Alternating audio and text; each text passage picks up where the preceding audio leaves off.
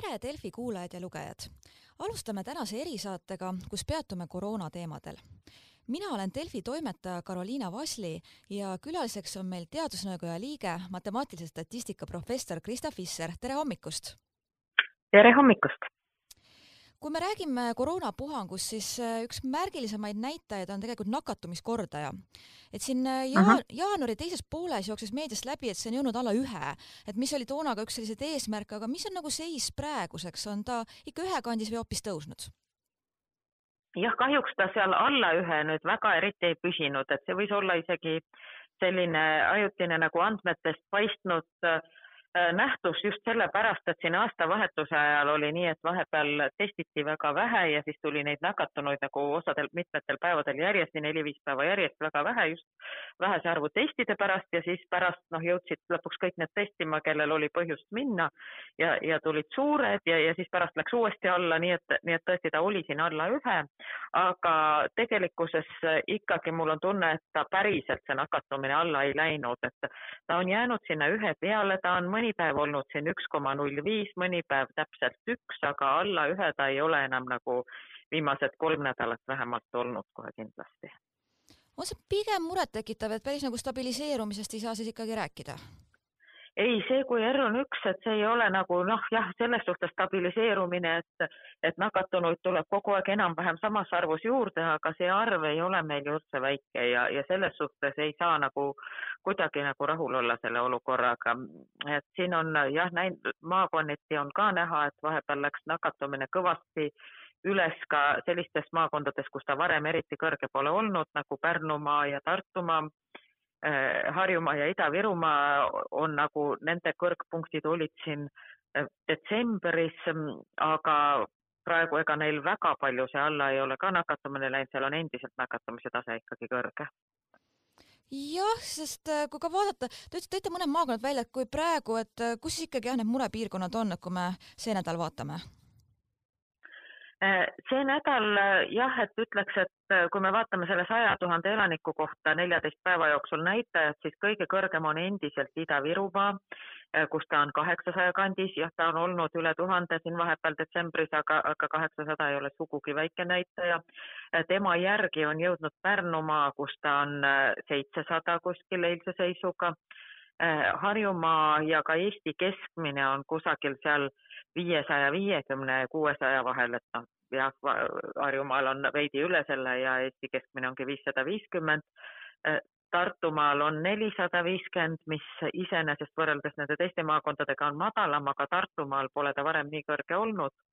ja, ja noh, siin, kui võtta maakondadest nagu viies Lääne-Virumaal on ta siiski suhteliselt madal võrreldes teistega praegu, et ka seal on vahepeal kõrgem olnud, seal on ta kolmesaja kandis Äh, nii et äh, jah, murekohad on, need suured maakonnad on kindlasti murekohad ja väiksemates maakondades on ka näha, et on üsna kõrge nakatumine Järvamaal ja on Võrumaal. Äh, muidugi neist väikestes maakondades võib selle näitaja vahel üles lüüa mõni üksik hooldekodu, aga noh, eks hooldekodu peegeldab ka ikkagi natuke seda, mis toimub seal maakonnas üldiselt, nii et päris ei saa ka olla muretu, kui me näeme, et maakonnas on nagu suur hooldekodupuhang eile Terviseameti pressikonverentsil öeldi, et siin ka kooliealiste seas on see nakatumine tõusuteel, et hüpe siin nelikümmend protsenti ja koolidega seotud kollete arv märkimisväärselt kasvanud, et annab see ka laiemas pildis sellist põhjust muretsemiseks, et? ei no tõepoolest, kui ma ainult arvudele peale vaatan, siis ma näen, et milline oli meil seis aastavahetuse ajal, et ütleks, et vanusgrupis viis kuni üheksa oli nakatumine praktiliselt null ja sellele noh, veel, veel väiksem oli null kuni neli, aga see on jäänud ka väikseks ja sellele viis kuni üheksa vanusgrupile järgnes siis altpoolt ülespoole vaadates kümme kuni neliteist vanusgrupp. Äh, aga nüüd see kümme kuni neliteist, kui me vaatame seda seisu täna, siis kümme kuni neliteist on jõudnud nagu äh, ütleme just ülemisest otsast teisele kohale, et seal on nakatumine kõrgem kui kõikide täiskasvanute hulgas, et ainuke vanusgrupp, kus nakatumine on veel kõrgem kui vanusgrupis kümme kuni neliteist, on viisteist kuni üheksateist praegu, mis, kes on ka koolilapsed nii et ütlekski, et kaks kõige kõrgema nakatumisega vanusgruppi nüüd siin eilse seisuga olid viisteist kuni üheksateist ja kümme kuni neliteist. ja, ja siin me just näeme, et eriti need kümme kuni neliteist on teinud läbi nagu väga suure hüppe ja ka see viisteist kuni üheksateist, et pigem nad olid seal madalama nakatumisega vanusgruppide seas siin aastavahetuse ajal ja, ja ka päris noored koolilapsed, viis kuni üheksa, et et sellest nullist on nad ikkagi üles läinud, et jah, teiste vanusgruppidega võrreldes on nende seas nakatumine paljude teistega madalam, aga enam mitte nii olulisel määral ja, ja seal võib ka küsida, et noh, lihtsalt, et kas see nakatumine on päriselt madal või lapsi lihtsalt ei taheta väga testida ja neil ei ole tavaliselt ka tõsiseid sümptomeid üldiselt ilmselt kipub ka nii olema, et kui laste seas hakkab levima, et see jõuab ka siis äh, vanemate põlvkondadeni, et meil siin on praegu, kui me räägime juhtumitest isegi seal seitsmesaja, kaheksasaja kandis võib-olla, et siis nädala pärast võib see kerkida seal ka tuhande kanti või on veel nagu ilmselt vara veel seda nagu prognoosida, et ma arvan, et kindlasti on põhjust selle pärast muretseda, et seda on ka varasemad perioodid näidanud, et kui ta on mingitel aegadel ka siin sügisel läinud koolilaste seas vahepeal nakatumine üles, siis sellele on üldiselt järgnenud kõrgem nakatumine ka vanemates vanusgruppides, et et ka Terviseametist olen aru saanud siiski, et, et päris paljudel juhtudel see nakkus viiakse nii-öelda koolist koju, et et need noored nakatavad edasi ka oma peresid. no vahel on ka vastupidi, et saavad just perest ja perelt ja vanematelt selle nakkuse, aga, aga tundub, et jah, teistpidist isegi esineb rohkem nii et jah, tõepoolest koolilapsed iseenesest ju selle haiguse all väga ei kannata, haiglasse nad peaaegu ei satu ja enamikel juhtudel kulgeb see haigus üsna kergelt, kuigi ka maailmapraktika on näidanud, et seda niinimetatud pikka Covidit esineb siiski ka laste hulgas, kes, kellel jäävad pikemaks ajaks ähm, nähud ja kasvõi selline krooniline väsimus ja sellised nähud, aga aga, aga just äh, kuna, kui ta ikkagi ühes vanusgrupis üles läheb, see nakatumine, siis seda vanusgruppi me ei saa ju kuidagi teistest äh, eraldi hoida, eriti veel, kui me räägime lastest ja nende vanematest siin on ka palju juttu olnud, et jah, et muidugi võiks koolid sulgeda, aga sellel distantsõppel on ka omad tagajärjed, eriti kui see väga pikalt on. et kas Teadusnõukojaga praegune seisukoht on pigem olnud, et ikkagi veel võimalusel lahti hoida, et, et selle stsenaariumi peale, et las minna kontaktõppele üle distantsõppele, et see ei ole veel praegu selline reaalsus? no sellega on tõepoolest, et see on, see on nagu keeruline küsimus, et eks Teadusnõukoja sees on ka üsna palju arutelu sel teemal, sest noh, millest minul isiklikult on kahju, et meil ei ole väga palju konkreetseid andmeid ikkagi selle kohta, et kuidas see distantsõpe on mõjunud ja kuidas selle distantsõppega toime tullakse, et äh, need signaalid, mis nagu üksikutelt äh, inimestelt, nii õpetajatelt kui õpilastelt kui lastevanematelt tulevad, on väga seinast seina. et me näeme, et on neid, kelle jaoks oli, on distantsõpe vaata et paremgi kui kontaktõpe ja noh, eks inimloomus on ka erinev ja, ja on neid, kes ikkagi arvavad, et nad ikkagi üsna kannatavad distantsõppega ja ja ka õpetajad, et me nägime siin Maalehes oli Lauri Leesi arvamus, et tema arvates on distantsõppe efektiivsus madal, aga samal ajal on nagu paljud teised õpetajad, kes ütlevad, et, et tulevad toime ja jõuavad nagu ka iga õpilaseni ja ka nendeni, kellel võib-olla on natuke keerulisem kodus hakkama saada, nii et tõesti, et siin oleks nagu süstemaatilist uuringut vaja, et mul on nagu ka teadlasena nagu ei taha kohe isegi seisukohta võtta, kui ma ei, mul ei ole andmeid. aga jah, loomulikult, ega see, seda saab ka ilma uuringuta öelda, et väga pikale veniv distantsõpe on kurnav ja võib ikkagi omada mõju haridusele ja, ja noh, ettevaatlik tuleks eriti olla veel algklassi lastega, kelle puhul siis noh, kellel ikkagi seda enesedistsipliini veel nii palju ei kipu enamasti olema, et nad nagu kodus hakkama saavad ja, ja nende pärast peaksid vanemad ka koju jääma, nii et äh, ma ikka arvan, ka muu maailma praktika on näidanud, et üldiselt üritatakse algklassil ikka algklasse kontaktõppel hoida aga vanemates vanuseastmetes ikka, kui nakkuse tase on üles läinud, siis on ka distantsõpet rakendatud kas täielikult või osaliselt ja ja noh, siin tulebki mõelda erinevaid skeeme, sest ei ole päris nagu kaks mustvalget varianti, et kas koolid kõik lahti ja kõik toimub nii nagu enne koroonat või siis koolid kõik kinni ja kõik on kodus, et seal on vahepeal ka palju maad. et kuidas saaks nagu seda viiruse levikut allpool hoida ja samas noh, mitte ei ole nagu täielikult kinni siis kõik aga jah, kui piirangutest, et meil siin äh, uus valitsus vahepeal tegi ka selle käigu, et ühtlustada üle Eesti, aga see tähendab ka seda, et ka siin pealinnas, kui minna nädalavahetusel kuskil söögikohta, väga palju rahvast, kella üheksani lahti teatrisse, kinno, mujale, et äh, mis te arvate, et kas see kas need praegused piirangud on meil mõistlikud või ühel hetkel võib-olla natukene veel sealt kuskilt meelelahutuse või sealt pealt natukene vaadata, et kas natuke näpistada ikkagi neid aegu ja neid lahtiolekut, et? Äh, nojah, siin on küll tunne, et, et kui, et, et väga raske on nagu kommunikeerida päris, et, et kui öelda inimestele, et ei ole hea mõte minna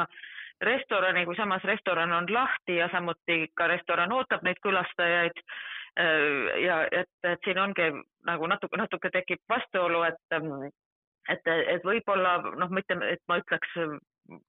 see, see, et kas restoran peab olema kinni või lahti, eks see on nagu keeruline otsus, aga, aga üldse peaks nagu läbi mõtlema selle süsteemi siiski, sest äh, mul on tunne, et äh, piirangutega ongi kahtepidine asi, et ühtepidi jah, inimestele äh, osadel on raske piirangutega, aga teistpidi inimestele võib-olla sisendab natuke turvatunnet see, et äh, tekitatakse äh, ikkagi olukord, kus seda viiruse levikut ikka natuke jõulisemalt takistatakse. Et, äh, et jah, siin on noh, jah, eks valitsus peab siin otsuse tegema ja tõesti kaaluma, et mis on nagu piirangute hind ja mis on selle nakkuse leviku hind erinevates kategooriates, mitte ainult rahas, vaid ka inimeste eludes ja tervises. ja neid hoolikalt võrdlema, aga, aga tundub küll, et nakkuse levik on praegu läinud natuke liiga suureks, et saaks äh, väga rahulikult seda pealt vaadata kui viimati siin ka teadusnõukoja ja siin valitsuse kohtumine oli, et mis soovitusi nagu nõukoja poolt nagu jagati, et et kuidas just edasi minna, et ikkagi sellele viiruse levikule natukene noh, tagasi tõmmata seda? Äh, no äh, ma ise otseselt valitsusega kokku ei puutunud, et teadusnõukoja juht professor Irja Lutsar äh, Äh, suhtles otsemalt, aga, aga ma arvan, et see info, et, et see nakkuse levik äh, ikkagi muret teeb, et see on küll Teadusnõukoja poolt ka valitsusele jõudnud koos detailsema analüüsiga, et äh, kuidas on lugu erinevates vanusgruppides, kuidas on lugu erinevates maakondades ja, ja samuti, milline on olukord meie haiglates. Nii et jah, eks selle, selle baasilt, et igal juhul kõik need andmed, see baas otsuste tegemiseks Äh, suures osas on küll neile edastatud, nii et äh, eks ega noh, see otsuse tegemine ei saagi olla päevapealt, nii et äh, täiesti arusaadav, et valitsus ka siin natuke mõtlemise aega on võtnud, aga, aga vähemalt jah, meie poolt see info selle nakkuse olukorra kohta on minu andmetel ikkagi valitsuseni jõudnud. Kogu siin äh, nii esimese kui teise laine ajal on olnud perioode, kus me oleme Eestis vaadanud, et me oleme ka seal Euroopas ikkagi nagu heas mõttes esirinnas, aga nüüd vist tundub, et oleme kuidagi sinna tagaotsana jäänud ka sinna oma neljateist päeva näitajaga, et mis nagu üldse võib põhjused olla ja et oleme siis seal päris viimaste hulgas no siin on nagu mitu põhjust, et üks on äh, see muidugi, et Euroopas päris paljudes riikides on see nakatumine pööratud äh, kenasti langustrendile ja tõepoolest see langus on olnud juba nii tõhus, et need riigid, et päris paljud suured riigid, noh, kui räägime ka siin Saksamaast ja Prantsusmaast ja Ühendkuningriigis, et nende nakatumisnäitajad on Eesti omast väiksemad keskmiselt. Ja, ja mm, on veel mõned riigid, kus olukord on hullem kui meil, näiteks saab siin nimetada Tšehhit ja Portugali ja eilse seisuga oli vist ka Hispaania ja Montenegro oli ka üks riik, aga, aga neid riike jääb üha vähemaks, kus olukord on äh, halvem kui Eestis. Ja eriti neid riike, kus olukord on halvem kui Eestis ja langustrendi ei ole, on veel vähem.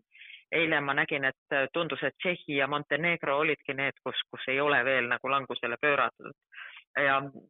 nii et jah, me ei ole Euroopa kontekstis praegu selliste äh, heas seisus riikide kirjas, eriti kui me võrdleme siin äh, põhjanaabritega, soomlastega, ka Norraga, Taaniga. Taanis oli vahepeal kõrgem, aga nüüd on ka väga üsna alla saadud nakatumine palju on ka räägitud siin meil vaktsineerimisest, vaatasin, et siin eilse päeva seisuga nelja, nelikümmend tuhat inimest, kellest siis kaks doosi, üheksateist tuhat. et millal me võiks näha nagu seda reaalselt ka vaktsineerimise mõju, et kas alles siis, kui need riskirühmad on seal enam-vähem juba kaardistatud ära, vaktsineeritud, et praegu on veel vara mingeid selliseid nagu näi-, nähtavaid tulemusi ka statistikas oodata? ja ma arvan küll, et praegu veel mõned kuud äh, igatahes siin ei, mingit väga suurt mõju me ei saa oodata, et, et riskirühmade vaktsineerimine kindlasti viib alla suremuse ja haiglate koormuse, sest väga paljud haiglapatsientidest on ikka eakad. Aga samas nakkuse levik ühiskonnas eh, ei ole